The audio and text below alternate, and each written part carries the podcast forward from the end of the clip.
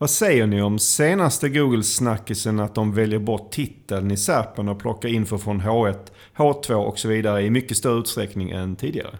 Ja, men jag har förstått att eh, många är lite upprörda över det. Och exemplet där det blivit fel på Joe Biden för att det valt bort titeln var ju, det var ju ganska kul. Det skrev i Serpen att han var vicepresident och det är ju inte riktigt det ämbetet han har just nu. Ja, det är en ganska uppenbar miss eh, och jag såg att eh, John Mueller skrev att han skickar vidare det exemplet internt och jag förstår varför. Och även om Google har varit tydliga med att detta på inget sätt ändrar titelns vikt rankingmässigt så förstår jag att många är frustrerade. Jo, men framförallt alla som har lagt och lägger mycket energi på att skriva bra och relevanta titlar. Och så byter Google ut det lite till, till vad de vill.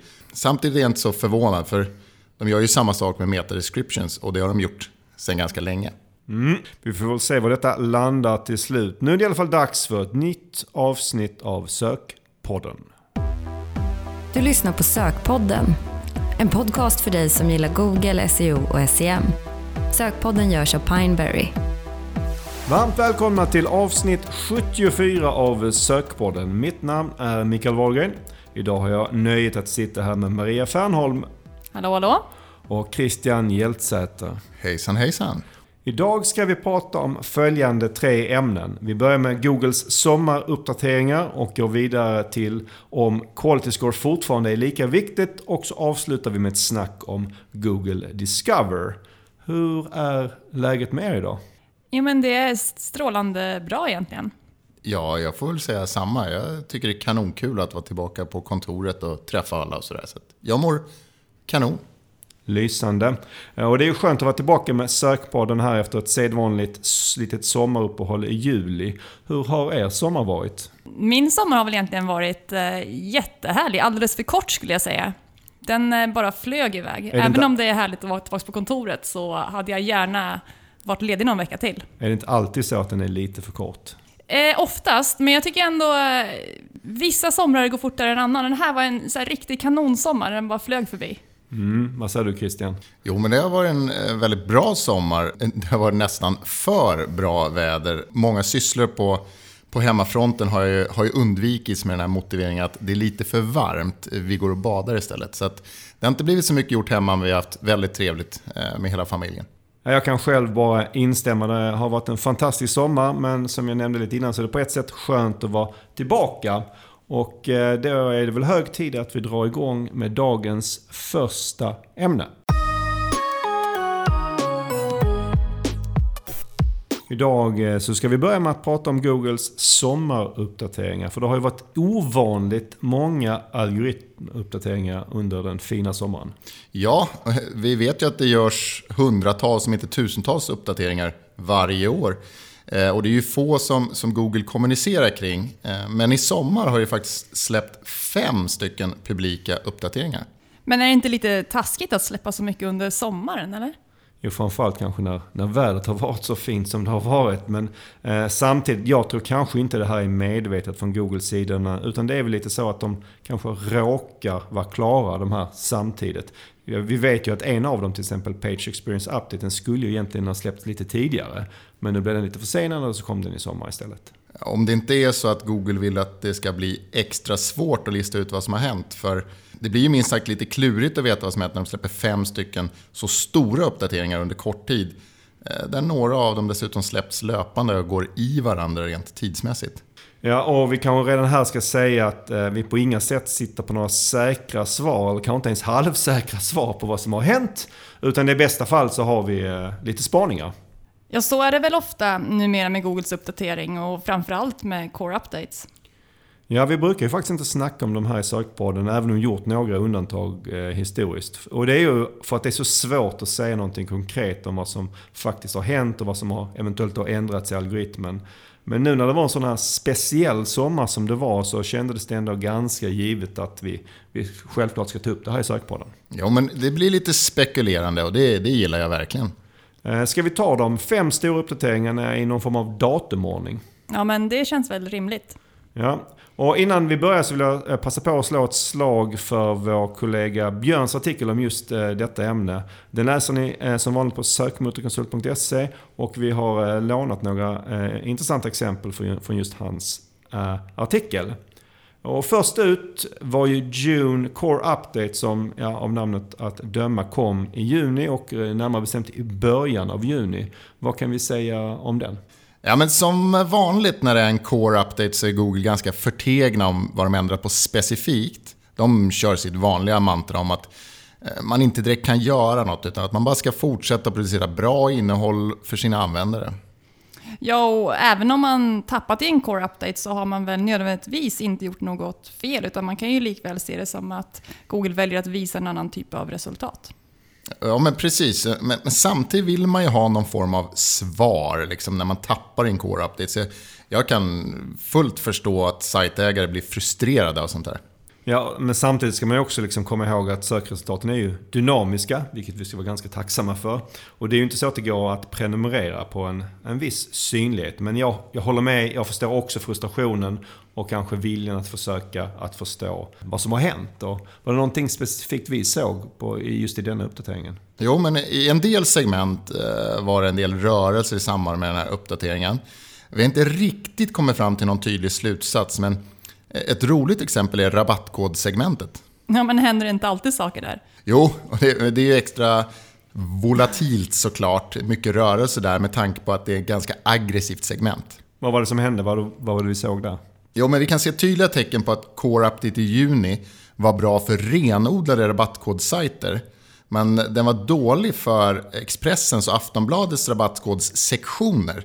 Och vilken slutsats man kan dra av det vet jag inte exakt, men det är tydligt att Google i denna uppdatering gett en positiv skjuts till, till de renodlade rabattkodsajterna. Och det jag kan tillägga att av de här fem uppdateringarna som vi ska prata om så för min egen del i det särpa som jag sitter och kollar på mer eller mindre dagligen så var det den som kanske skakade dem mest.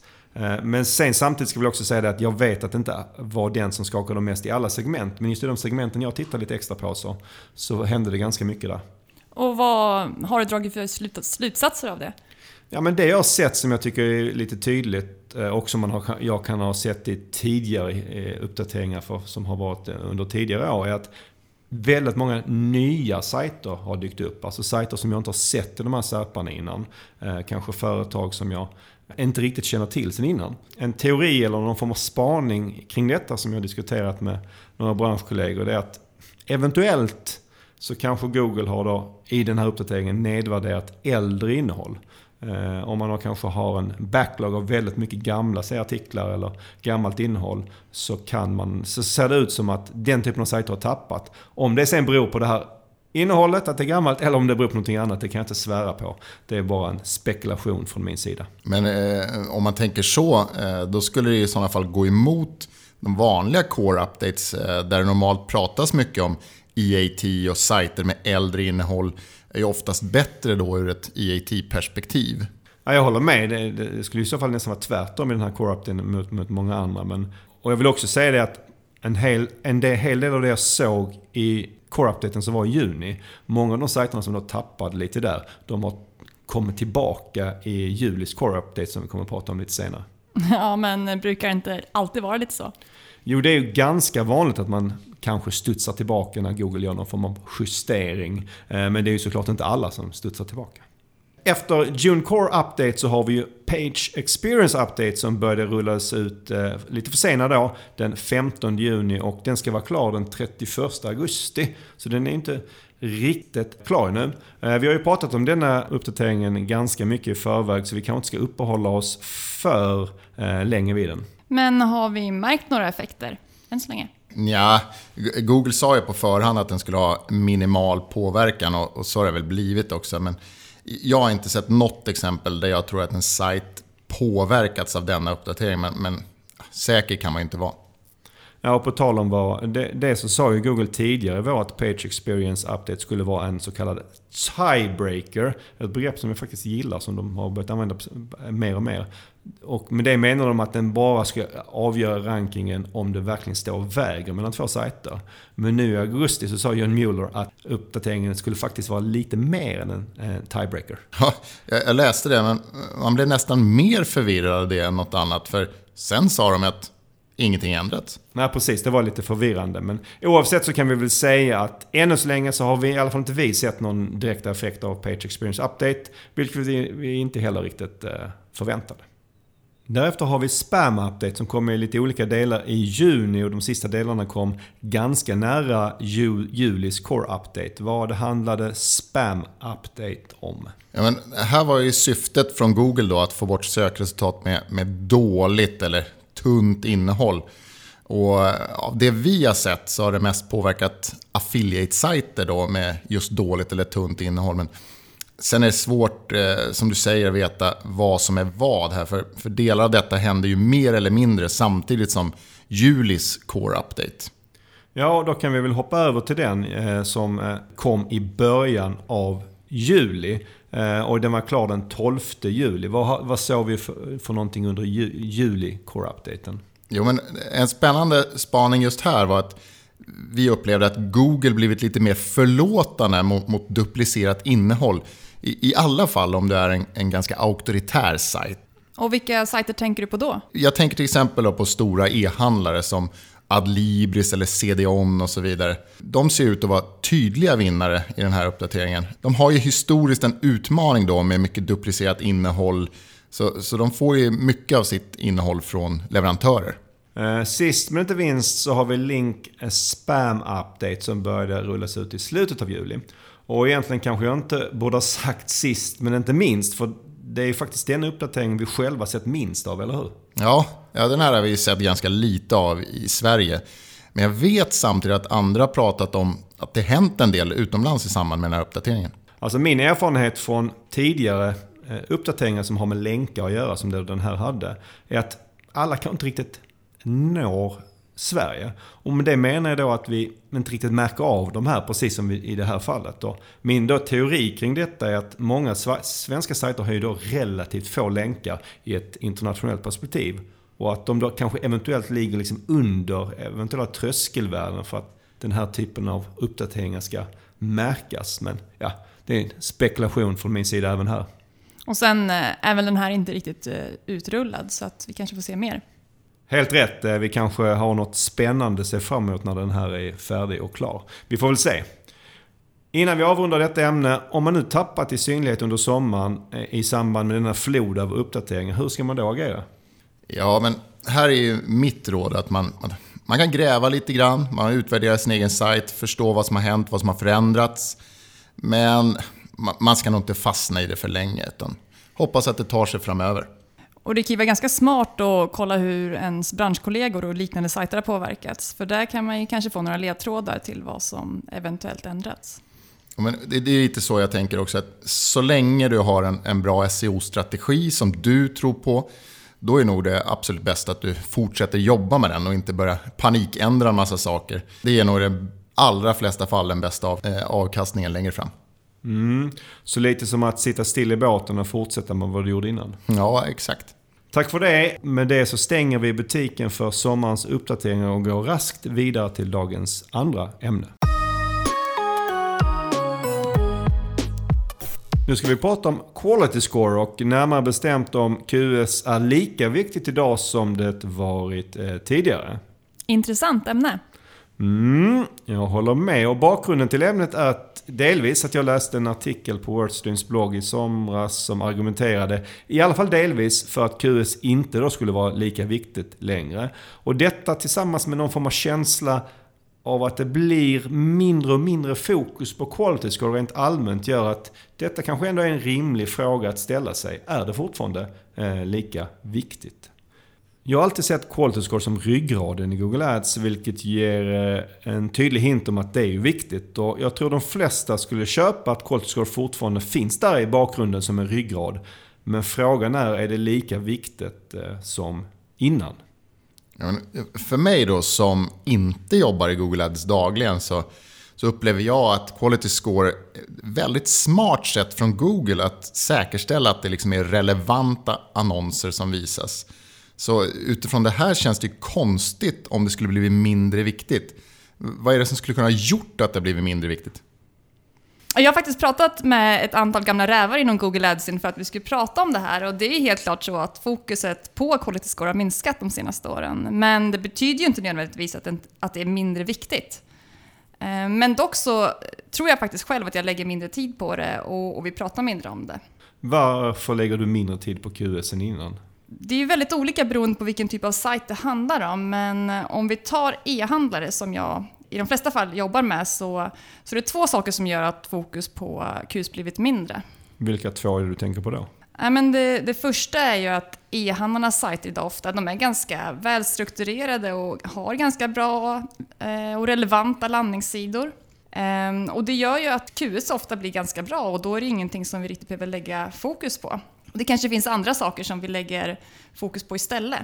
Då, då antar jag att motsatsen till det här gäller för B2B-sajter? Ja, men precis. Där är det ju faktiskt fortfarande vanligare att det saknas relevanta målsidor. Och det gör att man behöver fokusera mer på, på den delen för att få ett bra QS. Och även hastigheten är ju viktig och, och det är också någonting som, som man kan behöva jobba med. Men man får ju bara en, en siffra på 1 10 och man får ingen tydlig information från Google vad exakt det är man ska åtgärda på målsidan så det är inte helt lätt att få lyckas och få till en bra QS. Just för de här B2B-sajterna tycker jag också ibland att man har problem med eh, CTR, alltså klickfrekvensen och att då kan det ju vara att man man har väldigt nischade sökord eller, eller motsatsen, väldigt generella sökord och får svårt att få till den här relevansen i eh, googlingen och, och målsidan. Sen hade du en annan sak också. Ja, och det är kanske det som är den absolut viktigaste. Det är att Google Shopping har vuxit något enormt de senaste åren och det blir en större och viktigare del av Google Ads för e-handlare. Och även om det finns QS på shopping så, så är ju inte den synlig för oss. Och då, och då blir det ju inte någonting som vi kan fokusera på helt enkelt. Ja, det är en bra poäng. Och sen har vi alla förändringar inom Google Ads de senaste åren som såklart också påverkar hur vi ser och fokuserar på, eh, på QS. Ja, och det är på, på många sätt ett annat Google Ads idag jämfört med för fem år sedan. Vi kan ju ta Smart Bidding som exempel. Och det använder vi ju numera relativt ofta och då slänger ju Google in alla olika, massa olika parametrar i aktionen och det är inte bara bud och QS som gäller. Ja, precis. Och så om Google vet något specifikt om den som googlar så kan de ju välja att buda mycket åt dig som annonsör trots att du kanske har en dålig QS på just det sökordet. Så det är ett bra exempel på att det, det finns ganska mycket mer som påverkar idag. Ja men precis och, och det är ju så att man kan ju fortfarande få ett sökord kan ju fortfarande prestera väldigt bra trots att QS är dåligt. Mm. Och jag antar att alla de här förändringarna som skett på matchningstyper också påverkar? Ja, verkligen. En sån klassisk QS-strategi, i alla fall för mig, handlar ju om att matcha sökord med annons med landningssida. Men nu när Google minst sagt har luckrat upp gränserna kring matchningstyperna och helst vill att man ska köra bred matchningstyp, ja då blir det såklart svårare att få till denna relevans. Ja, och när vi inte ens eh, ser alla söktermer längre så gör det ju ännu svårare att få in relevansen. Okej, okay, så det finns en hel del saker som sannolikt ligger till grund för att fokuset på QS minskat. Men är QS fortsatt en viktig del av aktionen?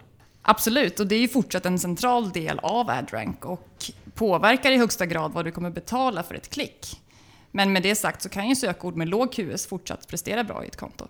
Men det finns fortsatt pengar att tjäna på att förbättra sin quality score väl? Ja, absolut. Men sen finns det ju som sagt flera parametrar i aktionen idag jämfört med för många år sedan. Så det är ju inte alltid bara QS som är viktigt i aktionen. Precis, vi kan ju ta tröskelvärden som vi pratade om i avsnitt 69 som ytterligare ett exempel. När de kickar in så tar de i alla fall delvis lite bort värdet av eh, QS. Men, men då undrar jag, vad säger Google om QS nu för tiden? Ja, det är en bra fråga. Redan för ja, vad ska jag säga, 10-15 år sedan var jag förvånad av hur lite Google kommunicerade kring QS med tanke på hur viktigt och centralt det var. Och sedan dess upplever jag att det mer eller mindre har varit radiotystnad från Google om just Quality Score. Ja, och vi jobbar ju väldigt nära Google och det händer ju ofta att det pushar för något som de vill att vi ska göra. Med det sagt kan jag inte komma ihåg att vi någonsin har blivit pushade att göra någonting med QS. Och då antar jag att det handlar om ett ett ökat fokus på QS, det kommer inte leda till mer intäkter för Google. Alltså så är det säkert, men samtidigt kan man ju tänka sig att det påverkar ju deras kunders resultat med tanke på hur viktigt det är. Så då, på något sätt så tycker jag ändå att det är lite konstigt hur lågt eh, de ligger med just QS. Okej, okay, men om vi avslutar med att ställa det lite på sin spets. Maria, vad skulle du säga? Tycker du QS är mindre viktigt idag än tidigare? Mm, det är ju lite svårt att svara på utan att det tolkas fel. Ja, jag förstår det. Men eh, med tanke på att det tillkommit massa andra parametrar som påverkar eh, dina resultat i Google Ads så är det väl ändå rimligt att säga att det inte är riktigt lika viktigt som innan. Men med det sagt så är det fortsatt väldigt viktigt. Ja, jag, jag förstår hur du tänker. Om, om vi nu utgår från detta, är det rimligt att fokuset på QS minskat så pass mycket som vi upplever? Bra fråga. Och eh, i vissa fall är det säkert rimligt att fokuset på QS minskat och det kanske finns andra saker i ett konto som ger mer resultat. Men med det sagt är ändå min känsla att eh, fokuset rent generellt på QS minskat mer än, än vad det faktiskt borde. För det är ju som sagt fortsatt en väldigt viktig del av Google Ads. Men, men det ligger väl lite i, i sakens natur att man hellre fokuserar på allt som är nytt, kanske lite häftigt. Att man, man kanske glömmer det som är lite gammalt och tråkigt. Ja, nu, nu menar jag inte att QS är tråkigt, men ja, ni förstår vad jag menar. Vi förstår Christian. Eh, jag hoppas att vi med detta ämne gett lite förnyat fokus på QS, för det tycker i alla fall jag att det förtjänar. Och med det så går vi vidare till dagens sista ämne. Idag avslutar vi med ett snack om Google Discover. Det var ditt förslag på ämne Christian. Ja, men eh, jag tycker faktiskt att Google Discover är en spännande del som, kan, som faktiskt kan ge en hel del trafik till, till sajter. Jag har själv i, i princip ingen relation alls till Discover. Jag använder det inte alls eh, för egen del. Och det, det hänger ihop lite om hur man använder sin telefon. För ja, jag, jag har en Android-telefon med en sökruta så jag googlar direkt. Jag ser ju aldrig det här Eh, Discovery-feeden. Och sen dessutom är det så att jag har inte, av de kunderna jag jobbar med just nu så är det ingen där Discovery är speciellt stort. Använder du Discover för din egen del Christian? Personligen kan jag inte säga att jag använder det speciellt mycket. Jag hade egentligen ingen, ingen relation till Google Discover innan jag började jobba med kunder som, som såg det här som en väldigt viktig trafik till sin sajt. Och I vissa fall är faktiskt Google Discover-trafiken ännu viktigare än, än så att säga, den vanliga organiska trafiken. En del av de som lyssnar på det här har säkert samma tänk som jag kring Google Discover. Det är ju lite skillnad för hur man kommer åt feeden beroende på om du sitter på en, på en iPhone eller en Android. Maria, hur är det för dig? Använder du själv Google Discover? Nej, det ska jag inte säga. Jag tror att det har att göra med min personlighet. Jag är liksom lite för snabb och stressad småbarnsförälder så att jag har inte tid att läsa Google Discover. Jag liksom bara kör pang på min googling. Tittar inte på själva tittar inte på allt det som kommer upp. När jag tog upp att vi skulle prata om Google Discover så var jag ju lite otydlig och du Maria uppfattade som att jag ville att vi skulle prata om Discovery Ads. Precis, och jag blev, jag blev jätteglad. Discovery Ads kan ju förvisso visas på Google Discover, men även på andra ställen såsom YouTube. Eh, men Discovery Ads är väldigt spännande och jag tänker att vi får spara det ämnet till en annan gång. Mm. Christian, du var lite inne på det. Hur stort är Google Discover? Hur mycket trafik kan man få? Ja, men det, det är ju såklart väldigt olika. Eh, men det kan ge väldigt mycket trafik för vissa typer av sajter. Och hur mycket är väldigt mycket trafik? Ja, men ett exempel som jag tänker på är, då är faktiskt Discover-trafiken ungefär dubbelt så hög som, som den vanliga organiska trafiken. Och då antar jag att vi pratar om en nyhetssajt? Jo, men det är det. Och det är ju det är ju de som har mest att tjäna såklart, då de har många nyheter. Men egentligen kan ju alla sajter som skriver nyhetsliknande innehåll få trafik från Google Discover. Ja, jag har ju sett att även vår kära sökmotorkonsult.se får lite Discover-trafik. Men i princip är det bara eh, när vi skriver om Melodifestivalen. I alla fall då det blir en märkbar eh, spike i kurvan. Måste det vara den typen av heta, färska nyheter för att det ska ge något? Ja, alltså det är klart, intressanta heta nyheter, det är en fördel för det här. Men det går ju att dra trafik på, på evergreen-artiklar och innehåll. Men, men överlag, ja, du vill ha nyheter inom vissa ämnen. Sen har jag sett att det ofta är en hög CTR på Google Discover-trafiken. Det är ju trevligt, eller hur? Ja, och egentligen är inte det så konstigt med tanke på att det är ju en annan sorts kanal än, än den vanliga SERPen. Inte sällan så är CTR kanske dubbelt så hög mot det vanliga söket. Oj, det låter mycket, men hur är det då med kvaliteten på trafiken? Konverterar den? Givetvis så är det inte lika bra som vanligt sök. Eh, för där har du ju liksom indikerat vad du är ute efter. Det, det här är lite mer likt trafik från, från Facebook på det sättet. Alltså, samtidigt, för nyhetssajter så är det ju i alla fall delvis målet att driva trafik. Och, och det är någonting man verkligen kan göra med Google Discover. Och du var inne på det att vilken sajt som helst kan ju teoretiskt sett dyka upp i Discover-feeden. Men vad kan man göra för att öka sina chanser till en, en bra synlighet där? Ja, det, alltså, det är lite svårt att tala om exakt hur man ska gå tillväga. Eh, det vill säga, eh, om någon frågar mig hur ska jag optimera för att synas på Google Discover? Då, det, då har jag inte stegen sådär rakt på. Men det man ska veta är att det krävs inga speciella taggar eller någon strukturerad data eller någonting för att dyka upp i Google Discover. Och enligt Google själva när man läser om det här så behöver man i princip bara i första läget följa deras content policy. Sen i nästa steg så gäller det, som Google uttrycker det, visa upp en sajt med många individuella sidor som har hög expertis, auktoritet och trovärdighet inom ett ämne. Det vill säga bra EAT på sidnivå och inte bara på sajtnivå.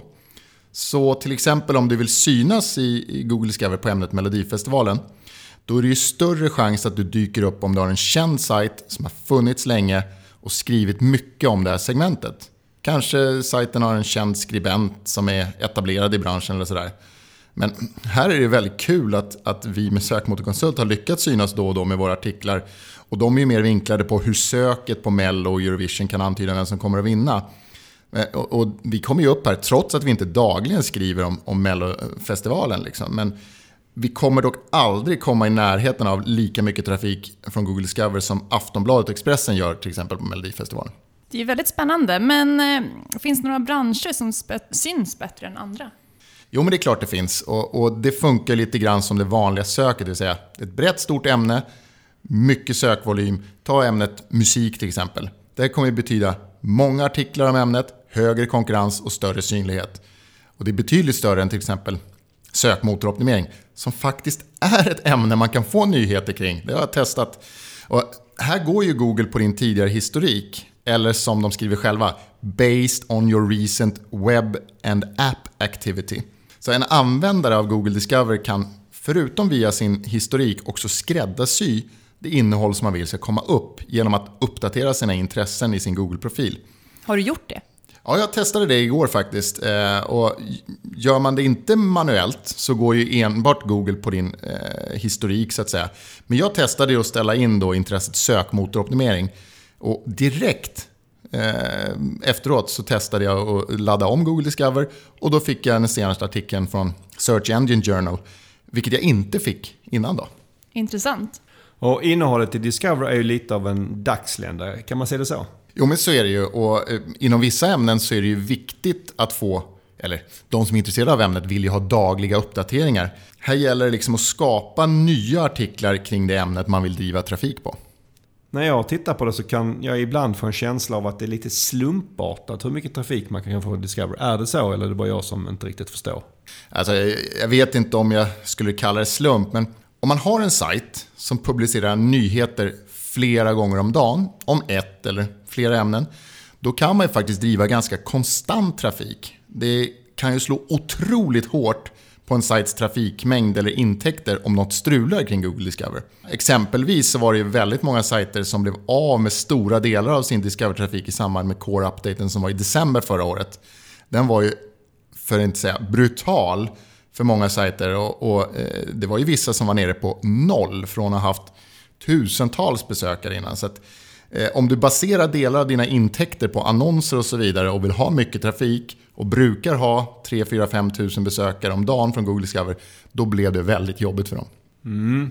Och på tal om uppdateringar kring just Discover, som påverkar Discover, så eh, la ju Google till nya manuella straff här tidigare år just för Discover. Och det, jag tolkar det lite som ett tecken på att Discover verkligen börjar bli någonting på riktigt. För annars skulle de ju inte orka bry sig om det. Ja men precis, det känns lite som att Google vill ha lite av den här eh, Facebook-feelingen, att man scrollar i flödet. Och det känns som att de lägger en hel del fokus på just Discover. Jag kan ju tänka mig att det finns en hel del som lyssnar nu som inte vet om de har Discover-trafik eller inte. Hur kollar man det? Ja, men det ser man inne i Search Console. Eh, så går man in under fliken Discover, eller förslag som det heter för de som har den svenska versionen. Det låter verkligen inte lika häftigt med förslag som Discover. Nej, verkligen inte. Sen är det så att det krävs att du har en viss mängd trafik från Google Discover för att de här flikarna ska, ska finnas i ditt Search Console. Så om man inte ser att det står förslag eller Discover i navigeringen, då kan man utgå från att man inte har någon Discover-trafik. Exakt så.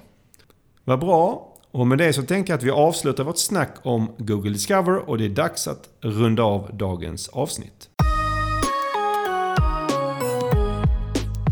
Vad ser ni fram emot mest i höst rent jobbmässigt? Ja, men det ska bli kul att få vara förhoppningsvis lite mer på kontoret och hänga lite med kollegorna. Ja, och en annan del som jag hoppas på det är att vi ska kunna ha ett SEO-snack igen och träffa alla härliga branschkollegor. Ja, Mm, det skulle vara väldigt fint om vi kan få till det i höst på något sätt. Eh, Och på tal om kollegor så har vi på Pineberry nu haft nöjet att välkomna fyra stycken nya eh, direkt efter sommaren. Det är alltid eh, lika kul, eller hur? ja verkligen superkul. Och vi siktar på att bli ännu fler i höst. Det finns ett antal roller vi söker just nu. Bland annat letar vi eh, efter dig som brinner för och har erfarenhet av konverteringsoptimering. Gå gärna in på jobb.pineberry.com om du är nyfiken på att bli kollega med oss. Och har du feedback på dagens avsnitt eller om det är något du vill att vi ska prata om framöver i höst, ja då är det som vanligt. Då hör du av dig till sokpodden at pineberry.com. Tusen tack för att du har lyssnat idag. Sköt om dig så hörs vi igen nästa månad. Tack för idag! Tackar, tackar.